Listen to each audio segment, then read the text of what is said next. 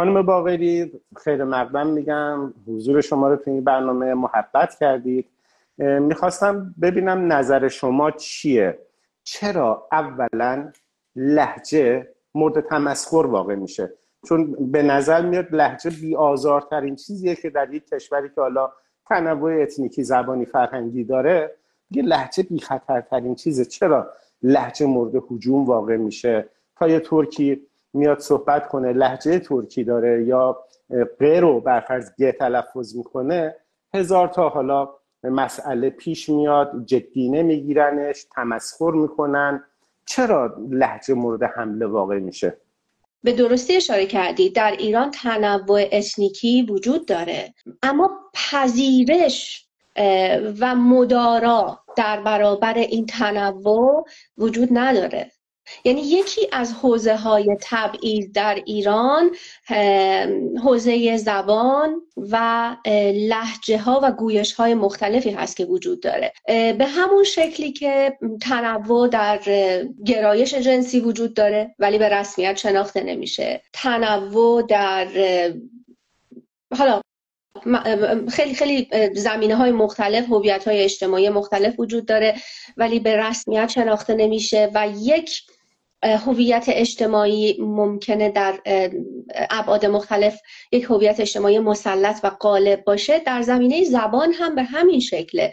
زبان مسلط در ایران زبان علاوه بر اینکه زبان رسمی زبان فارسی هست که خب این اصلا من اینو نمی‌خوام زیر سوال ببرم. هر کشوری زبان رسمی شده داره. اما زبان مسلط زبان فارسی فارسی هست و بقیه زبان ها به حاشیه رونده شدن.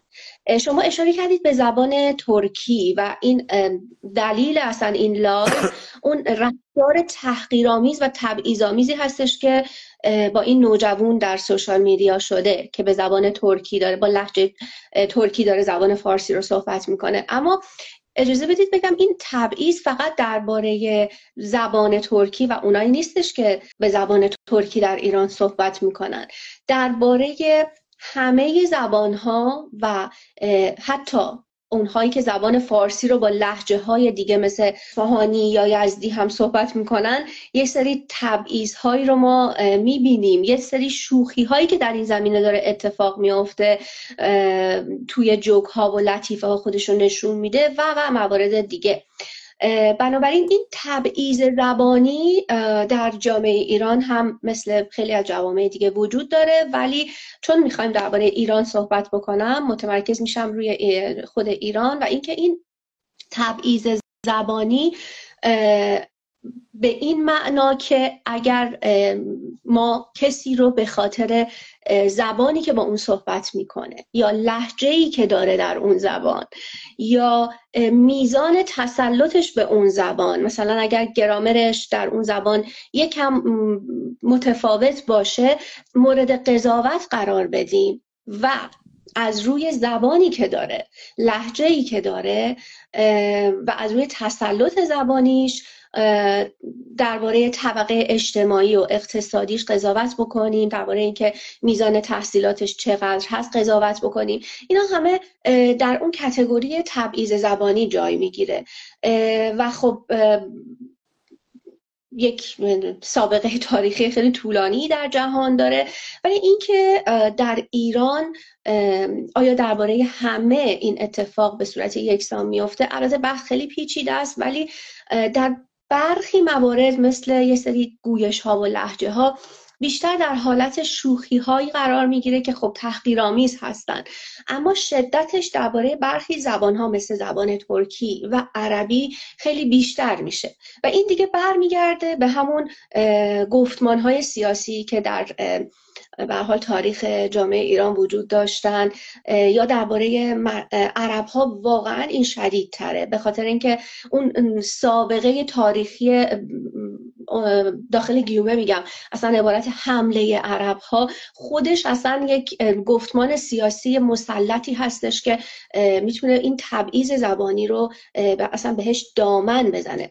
روایت های رسمی و کلاسیکی که حکومت ها هم درباره ترک ها عرب ها ایجاد کردن در جامعه باز تولید کردن و جا انداختن این تبعیض زبانی رو درباره زبان ترکی و زبان عربی در جامعه ایران به نظرم شدتش رو بیشتر کرده و گسترده تر کرده و فقط هم در این شوخی های اینستاگرام یا سوشال میدیایی خلاصه نمیشه. شما ببینید چقدر جوک هایی که ساخته میشه درباره ترک ها و عرب ها در ایران خیلی زیادتر متفاوت تر و بیشتر هست. در, در مقایسه با جوک هایی که درباره زبانهای دیگه و حتی گویش های مختلف دیگه در ایران به کار برده میشه. فرمودید که در مورد اصفهانی ها و یزدی ها هم این اتفاق میفته ولی جالبه که وقتی اصفهانی و یزدی صحبت می‌کنه فقط می‌خوام بهش یادآوری کنن که تو زیادم اینکلود نمیشی. ولی در کنارش میگه چقدر لحجه شیرینی داری. با لحجه شیرین اصفهانی داره صحبت می‌کنه. چه لحجه یزدی قشنگیه. وقتی یکی اصفهانی حرف می‌زنه استنباط نمیشه که این احمق این خره این... من بارها در تهران میشنیدم اون داره سی ساله داره تهران زندگی می‌کنه هنوز داره با لحجه ترکی حرف می‌زنه. ولی اگه یه اصفهانی بعد از پنجاه سال هم با لحجه اصفهانی حرف بزنه هیچ ایرادی بهش وارد نیستش سوالم هنوز سر جاشه. چرا به لحجه حمله میشه؟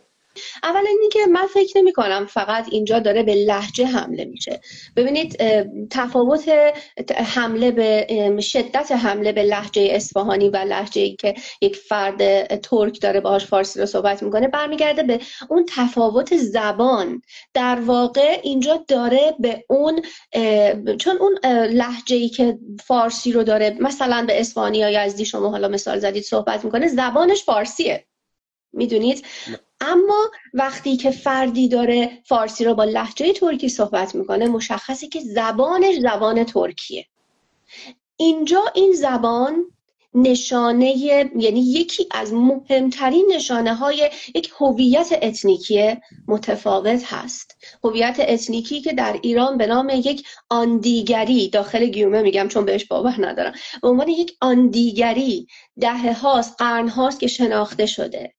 و یکی از حوزه هایی که باعث میشه به این آن دیگری تبعیض روا داشته بشه و مورد ستم قرار بگیره حوزه زبان هست. اما تنها حوزه این نیست. حوزه فرهنگ هست. مگه کم کلیشه های تبعیض آمیز درباره برفرض زنکشی ها و قتل های ناموسی ما داریم. چقدر این قتل ها بیشترشون به اشتباه به ترک ها عرب ها و کرد ها نسبت داده میشه؟ خب اونم یک حوزه هستش که حوزه بسیار بسیار جدی و پررنگی هم است در حالی که واقعیت این نیست. واقعیت این نیست که قتل های ناموسی و زنکشی ها بیشتر توسط ترک ها و عرب ها داره صورت می‌گیره. آمار داره چیز دیگه نشون میده که اینا پراکندگیشون در همه جای ایران به یه شکل هستش. حتی در یک دوره ممکن در یک سری شهرها که زبان مردمش ترکی نیست و عرب نیست خیلی بیشتر هم باشه. اما مسئله زبان به خاطر اینکه یکی از اوریانترین و آشکارترین جلوه های فرهنگی هر هر ملتی هست. بنابراین احتمال اینکه از اون زاویه مردم بتونن مورد آسیب پذیری بیشتری قرار بگیرن خیلی خیلی بیشتره. یعنی شاید اگر اصلا صحبت نکنن و مشخص نشه که اینها زبان مادریشون چیه و لحجهشون نمایان نشه اون به اصطلاح دیگری بودنشون خیلی هم روشن نشه. چرا؟ خیلی از ماها که زبان مادریمون غیر فارسی هست ممکنه این مسئله رو پنهان بکنیم چرا ممکنه باعث خودسانسوری در ما بشه؟ چرا ممکنه حتی لحجمون رو سعی بکنیم روش کار بکنیم؟ اگر جایی قرار می‌گیریم که فارسی به اصطلاح تهرونی داره استفاده میشه این لحجه دقیقا منطبق بر همون لحجه مسلط باشه. دلیلش برمیگرده به اینکه متوجه شدیم که ما تا زمانی که صحبت نکنیم و زبان ما مشخص نشه احتمال اینکه بتونیم خودمون رو از کتگوری اون آن دیگری که مورد تبعیض قرار می‌گیره که رونده میشه که مسلط نیست به رسمیت شناخته نمیشه سوا بکنیم. من زبان شناس نیستم ولی تا جایی که می‌دونم محققای این حوزه در زمینه تبعیض زبانی تاکید دارند که اینجا شاید جواب سوال شما روشنتر باشه. تاکید دارن که مردم مسلط یعنی مردمی که در از نظر اتنیکی حالا ممکنه تحت ستم نیستن و در گفتمان رسمی و کلاسیکی که حکومت ایجاد کرده مردم مسلط معرفی شدن گرایش به این دارن که نسبت به گویش ها و لحجه های دیگه با تبعیض رفتار بکنن و اونها رو حالا با به شکل تحقیرآمیز یا تبعیض آمیز باهاشون برخورد بکنن. این مختص فقط ایران هم نیست. به همین دلیل هم هستش که تبعیض زبانی با مسئله استعمار و تبعیض حتی اتنیکی ارتباط بسیار بسیار تنگاتنگی داره. هرچه تبعیض اتنیکی بیشتر باشه احتمال اینکه تبعیض زبانی هم درباره مردم اون متعلق به اون اتنیک بیشتر باشه احتمالش بالاتره. خانم باقری وقتی میایم اعتراض می‌کنیم میگیم این به اصطلاح واقعیه یا کیکه رو گفتن یه حالت تبعیض‌آمیز داره توهین تحقیر یا حالا مسائل دیگه. خیلی هم میگن آقا نه این چه حرفی شما می‌زنی؟ یه شوخی داریم می‌کنیم. هیچ مورد خاصی نداره. حتی من خودم برفرضا میگن آره مثلا من خودم چند تا رفیق ترک دارم اینا رو واسم میفرستن. هیچ مشکل نداره. شما دارید زیادی شلوغش می‌کنید.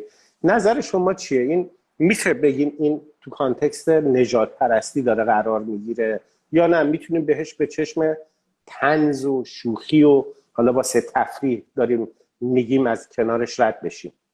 خب می‌تونه در قالب شوخی باشه ولی ما شوخی راسیستی نجات پرستانه داریم. مثل اینکه ما شوخی سکسیستی و جنسیت زده هم داریم. خیلی از این جوک هایی که و شوخی هایی که صورت می‌گیره و ممکنه ما بهش معترض باشیم ضد زن هستن هوموفوبیس هستن.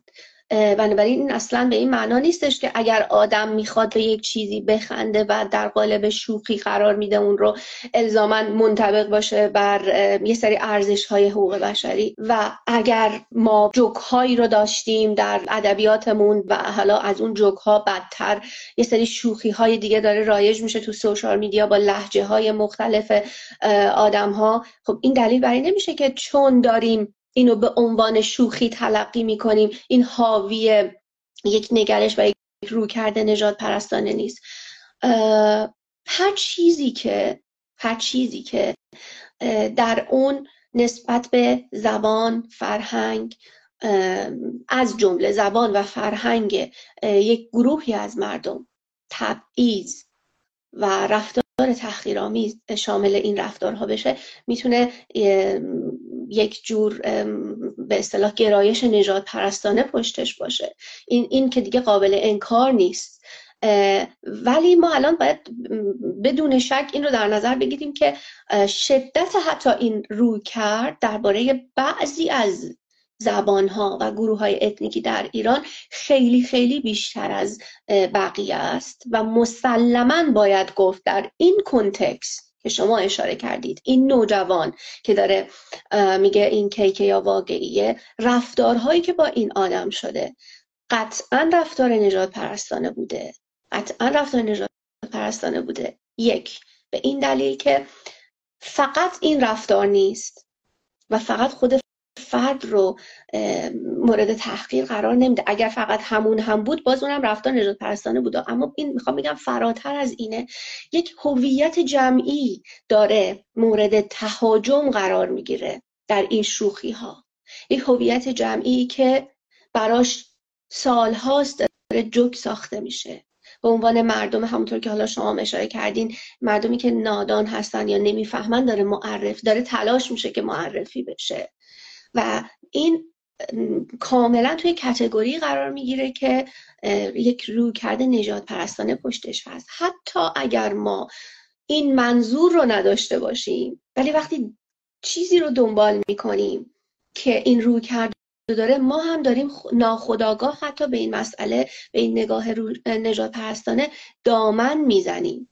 اینکه آدم بخواد راحت به اوریانی ایراد بگیره از زبانی که یک نفر داره صحبت می‌کنه ببینید این فقط لحجه نیست این داره ایراد می‌گیره. اینکه این بچه داره واقعی رو واقعی میگه یعنی داره اشتباه میگه. یعنی درستش چیه؟ درستش واقعیه. این یک جور ایراد گرفتنه که در تبعیض زبانی اتفاق میفته از یک جور باور به این برمیگرده که یک زبان کاملی وجود داره و ما باید فقط به اون زبان کامل صحبت بکنیم. بقیه زبان ها کامل نیستن و اگر کسی زبان مادریش چیز دیگریه و داره این زبان رو حرف می‌زنه هم مجبور اون زبان رو کامل اون جوری که هست صحبت بکنه. اگر لحجه دیگری داشته باشه بنابراین اون, اون, از اون تکامل فاصله گرفته. بنابراین باید مورد تحقیر قرار بگیره. اینا آزار کلامیه. اگر تو بخوای از شکل حرف زدن یک نفر ایراد بگیری ایراد گرامری بگیری و بهش بقبولونی که اون کامل حرف نزده دست کم یک آزار کلامی محسوب میشه. حتی اگر بخوایم بگیم ناخداگاه بوده منظوری نداشتی رویکرد نجات پرستانه نداشتی. هم این یک آزار کلامی حالا شما تصور کنید این آزار کلامی درباره ترک ها در ایران به چه شدتی و به چه گستردگی متاسفانه و چه با چه سابقه تاریخی طولانی داره اتفاق میفته و این رو دیگه نمیشه فقط اسمش رو یک آزار گروهی گذاشت. این قطعا یک نگرش دیگری سازی هست در امتداد اون نگرش هست و در کتگوری نجات پرستی قرار می‌گیره. مثل تمام جوک هایی که ضد زن هستن هوموفوبیا هستن و در کتگوری سکسیسم قرار می‌گیرن. با توجه به صحبتی که کردی با توجه به اینکه خود من هم بالاخره عقبم ترک هستش ماها در مملکتی به دنیا آمدیم. که تکسر رو نمیپذیرفت و همه رو فارس می‌خواست. لحجه رو مورد حجوم قرار داد چون دیگه همه از ترس اینکه بچه هاشون تحقیر بشن باهاشون فارسی حرف می‌زنن. پدران پدر من مادر من پدر شما مادر شما با شما ترکی حرف نزدن با من ترکی حرف نزدن. چرا؟ چون نمی‌خواستن تحقیرها توهینها مشکلاتی که داشتن جگرگوششون هم داشته باشه. حالا این چه اتفاقی میفته این نیست که فقط من و شما ترکی بلد نیستیم. من و شما دیگه ترک نیستیم. چون از اون فرهنگ چی نمی‌دونیم. ما با مادر بزرگامون با پدر بزرگامون قطع رابطه شدیم. ما با لالایی های ترکی بزرگ نشدیم. ما با داستان های ترکی بزرگ نشدیم. این توهین و تحقیر لحجه در اصل مرگبارترین سلاح آسیمیلاسیون بوده تو ایران به نظرم. که خود خانواده ها اومدن تسریع کردن روند آسیمیلاسیون رو چون نمی‌خواستن بچه هاشون از پیشرفت اجتماعی دور بشن به خاطر اینکه به خاطر لحجه دارن مورد تبعیض قرار می‌گیرن. خیلی ممنون صحبت خوبی کردید خیلی استفاده کردم. ولی یه توضیح کوچولو بدم قبل از اینکه سوال آخرم رو بپرسم. این در خیلی از زبان ها همه تلفظ ها همه اصوات وجود نداره. برفرض ج و ج و گ خب خیلی نزدیک همه. خیلی از زبان ها ژ رو ندارن. ما مثلا اینجا دوستان ویتنامی داشتیم هر چی مثلا حالا یا جای دیگه می‌خواستن میگن ژ یا می‌گفتن گ یا می‌گفتن ج نمی‌دونن ج می‌گفتن نمی‌تونستن ژ بگن. و هر وقت که درست می‌گفتن ما همه میفهمیدیم. می‌گفتن شما چقدر راحت می‌گفتیم به خاطر اینکه ما این تو زبانمون بوده با این صوت آشناییم. ج و ژ از نظر شما خیلی کم تفاوت داره از نظر ما زیاده. ولی خب در زبان اونا اصلا تلفظ جوژه رو وقتی ما می‌گفتیم یه جا رو به جای ژ بگیم جمع نمی‌فهمید چون نشنیده. در زمینه غیر دارد واسه فارس ها این اتفاق میفته ما در فارسی هیچ کلمه ای که با قید و نقطه باشه نداریم. هر چی کلمه در فارسی می‌بینید با قید و نقطه این اکثریان ترکن اکثریتشون لغت ترکی هن. مثل قابلمه مثل قاشق مثل قوری مثل هرچی حالا نباشن حالا یا فرانسویه یا انگلیسی از زبانهای دیگه اومده. خود فارسا ق ندارن. در ترکی این ق یک تلفظی شبیه به گ داره. یعنی ترک ها وقتی دارن غیر رو تلفظ می‌کنن قید و نقطه رو دارن درست تلفظ می‌کنن. ولی اون کسی که این تلفظ رو نداره ایراد می‌گیره بهش. یعنی در اصل اینجا ایراد به خود فارسا وارده که تلفظ ق و رو نمی‌دونن. و این ق رو گ میشنون مثل همون دوست ما که ج رو ج میشنوه. خب حالا این یه توضیح اضافه بود. توضیح نه توضیح اضافه نبود. تو اتفاقا اضافه خوبی بود. برای اینکه این روی کردی که شما دارید اتفاقا یه روی کردیه که داره این زبان رو از موقعیت فرودست خارج می‌کنه و به اون زبانی که در موقعیت فرادست قرار گرفته داره تذکر میده که شاید ایراد در خود توه. به اون آدمی که داره ایدئالش رو اون, اون زبان پرفکت رو زبان فارسی با لحجه ویژه مسلطی در نظر می‌گیره داره هشدار میده که شاید اون چیزی که تو فکر می‌کنی در دیگری ایراده ایراد در این این زبانی هستش که تو اون رو مسلط می‌دونی. این رویکرد رویکرد خوبیه رویکرد تدافعی نیست. رویکردی نیستش که کسی که زبان دیگری به جز فارسی در ایران داره یا لحجه ترکی داره یا لحجه عربی یا هر لحجه دیگه داره مجبور بشه یا از خودش دفاع کنه یا در خودش فرو بره دچار خود سانسوری بشه. اتفاقا ما باید از این موضع حرکت بکنیم. اما با این هدف که بتونیم دموکراسی رو در حوزه زبان هم باور بکنیم و دنبال بکنیم. ما وقتی از صحبت از دموکراسی می‌کنیم میریم متمرکز میشیم روی ساختارهای سیاسی. ولی واقعیت اینه که در برخی جوامع مثل ایران در زمینه زبان و استفاده از زبانهای مختلف هم باور به دموکراسی واقعا وجود نداره. یا حالا اگه بخوام خیلی هم شدید نگم مثلا خیلی کمه این باور. برای اینکه این تکسر زبانی نه تنها پذیرفته نمیشه که اگر پذیرفته بشه به قنای خود زبان داره کمک می‌کنه. برای اینکه زبانی که بسته باشه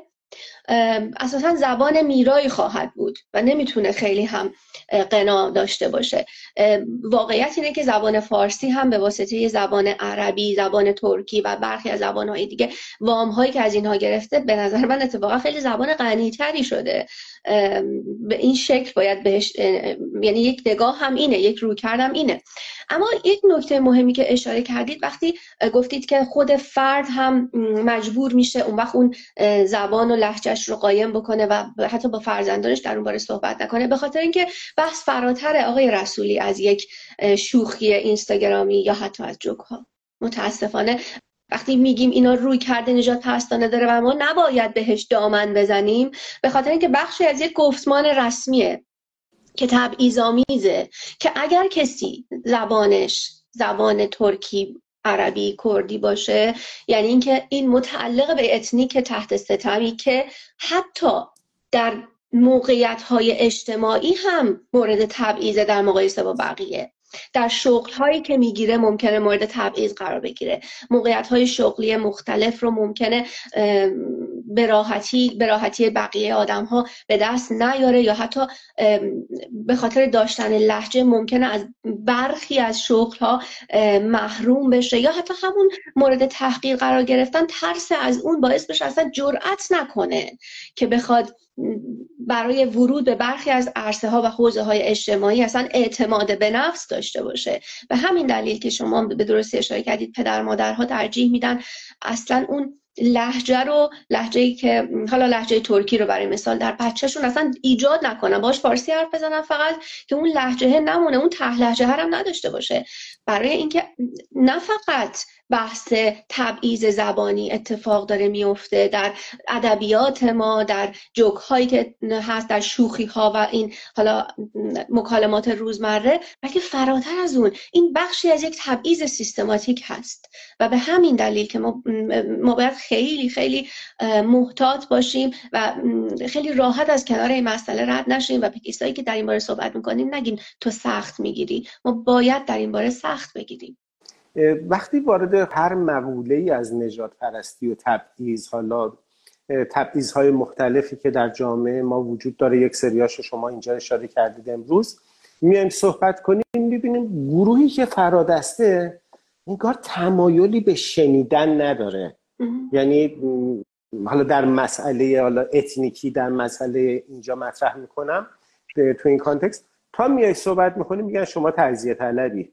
چرا گروه فرادست در ایران نمی بینیم آدم هایی حرکت کنند که بیان بر فرض این صدای گروه فرودست رو حداقل بشنون یا از امکاناتی که دارن بیان به صدای اینا قوت بدن قدرت بدن تا بیشتر شنیده بشه. چه راه حلی وجود داره که بشه آدم های بیشتری رو پیدا کرد از اون ور؟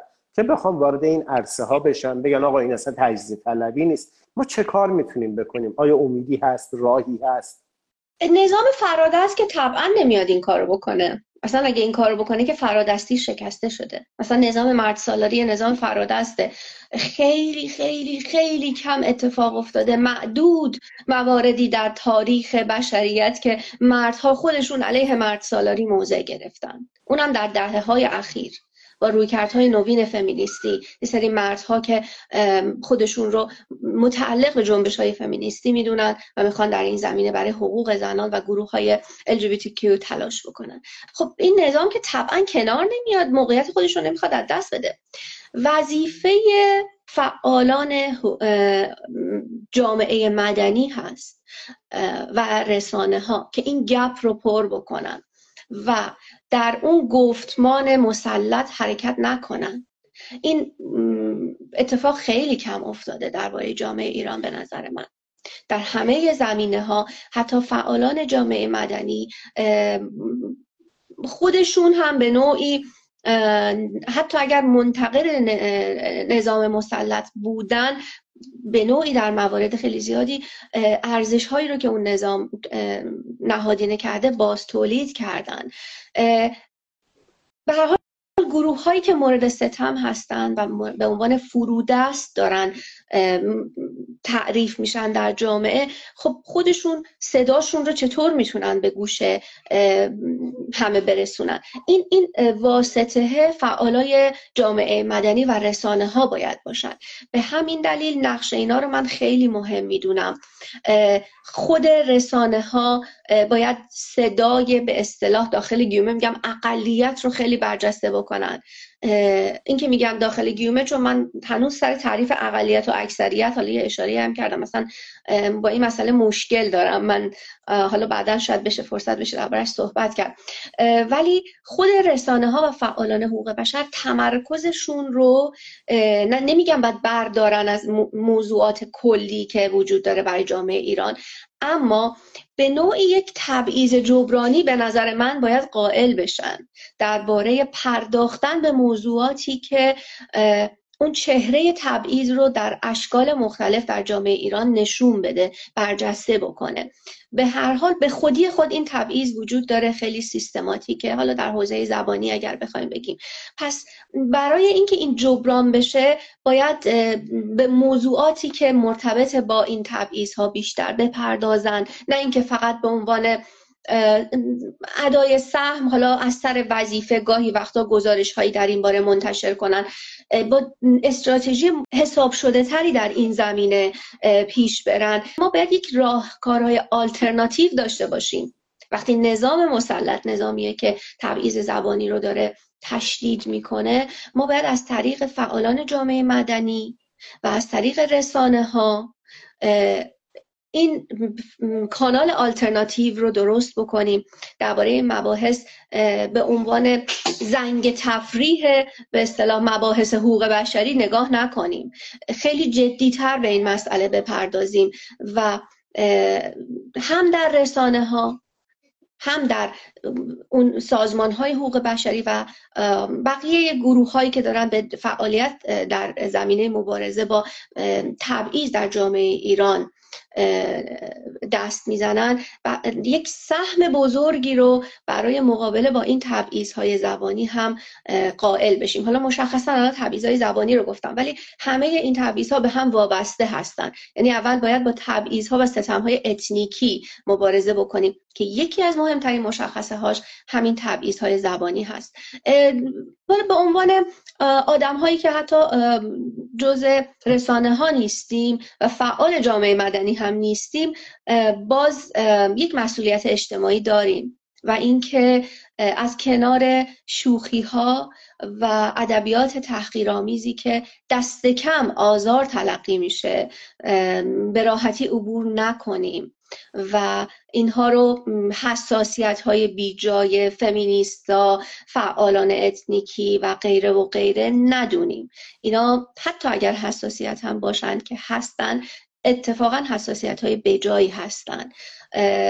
حتی اگر یک نفر هم بر اثر این آزارهایی که وجود داره آسیب ببینه این نوجوانی که هست که حتی اگه منجر به این بشه که این دیگه فعالیتش رو ادامه نده خودش هم اتفاق خیلی بدیه. چه برسه به اینکه متاسفانه این تبعیض زبانی یک گرایش خیلی خیلی رایج و ریشهدار در جامعه ایران هست. متشکر دستتون درد نکنه. خیلی ممنون. لطف کردید. تازه از بستر بیماری هم بلند شدید. فکر کنم دومین مصاحبتونه. بعد از اینکه مشخص شد دیگه الحمدلله سرطان رو شما سرکوب کردید رفت. بله دومین مصاحبه در زمینه مسئله اجتماعی ولی یه مصاحبه درباره مواجه هم با بیماری سرطان داشتم که تازگی انجام شد. منم از شما خیلی ممنونم.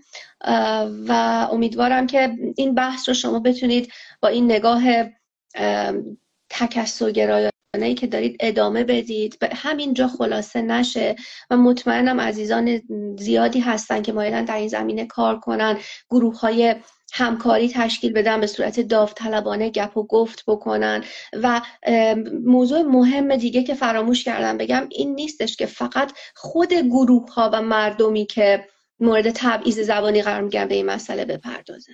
اونا که می‌پردازن به این مسئله صداشون شنیده نمیشه. بقیه آدم ها که هیچ وقت تبعیض زبانی رو ممکنه در ایران تجربه نکرده باشن هم باید به این مسئله بپردازن. برای اینکه این یک کوله باریه که حتی من دیدم بعضی از دوستان ایرانی که از ایران خارج میشن با خودشون میارن ها. این نگاه رو حتی به خودشون دارن. یعنی درباره زبانی که دارن صحبت می‌کنن در مقایسهش با زبان کشوری که به اون وارد شدن اعتماد به نفس کافی رو ندارن. با بچه هاشون به زبان مادریشون صحبت نمی‌کنن. میترسن اگر این به اصطلاح شنیده بشه دوستای بچه هاشون بفهمن این زبان رو یه چیز عجیبی به نظر بیاد. و همین اعتماد به نفس این بچه ها رو در یادگیری زبان های دیگه حتی کاهش میده. این در حالی که ممکنه حتی من, من اینو دیدم. بعضی از دوستانی که از حرف زدن همدیگه به زبان انگلیسی یا سوئدی ایراد گرفتن. در حالی که کسی که سوئدی تباره این ایراد رو جرأت نمی‌کنه بگیره به این اوریانی.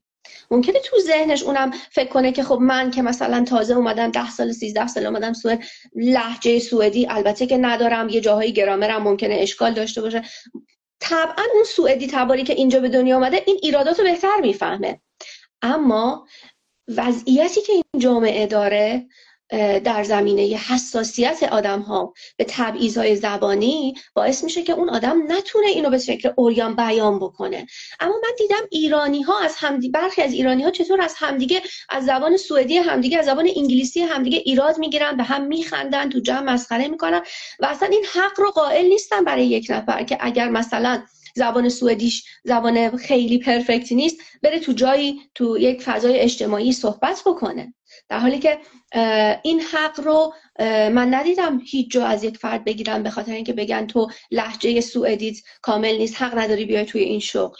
در حدی که آدم بتونه ارتباط اجتماعی برقرار بکنه در اون شغلی که وجود داره می‌تونه بره. حالا ممکنه یه تبعیضایی خیلی خیلی پنهانی وجود داشته باشه که همه جا هست. اینکه ارجحیت بدن استخدام فردی رو که خیلی مسلط هست به زبان سوئدی.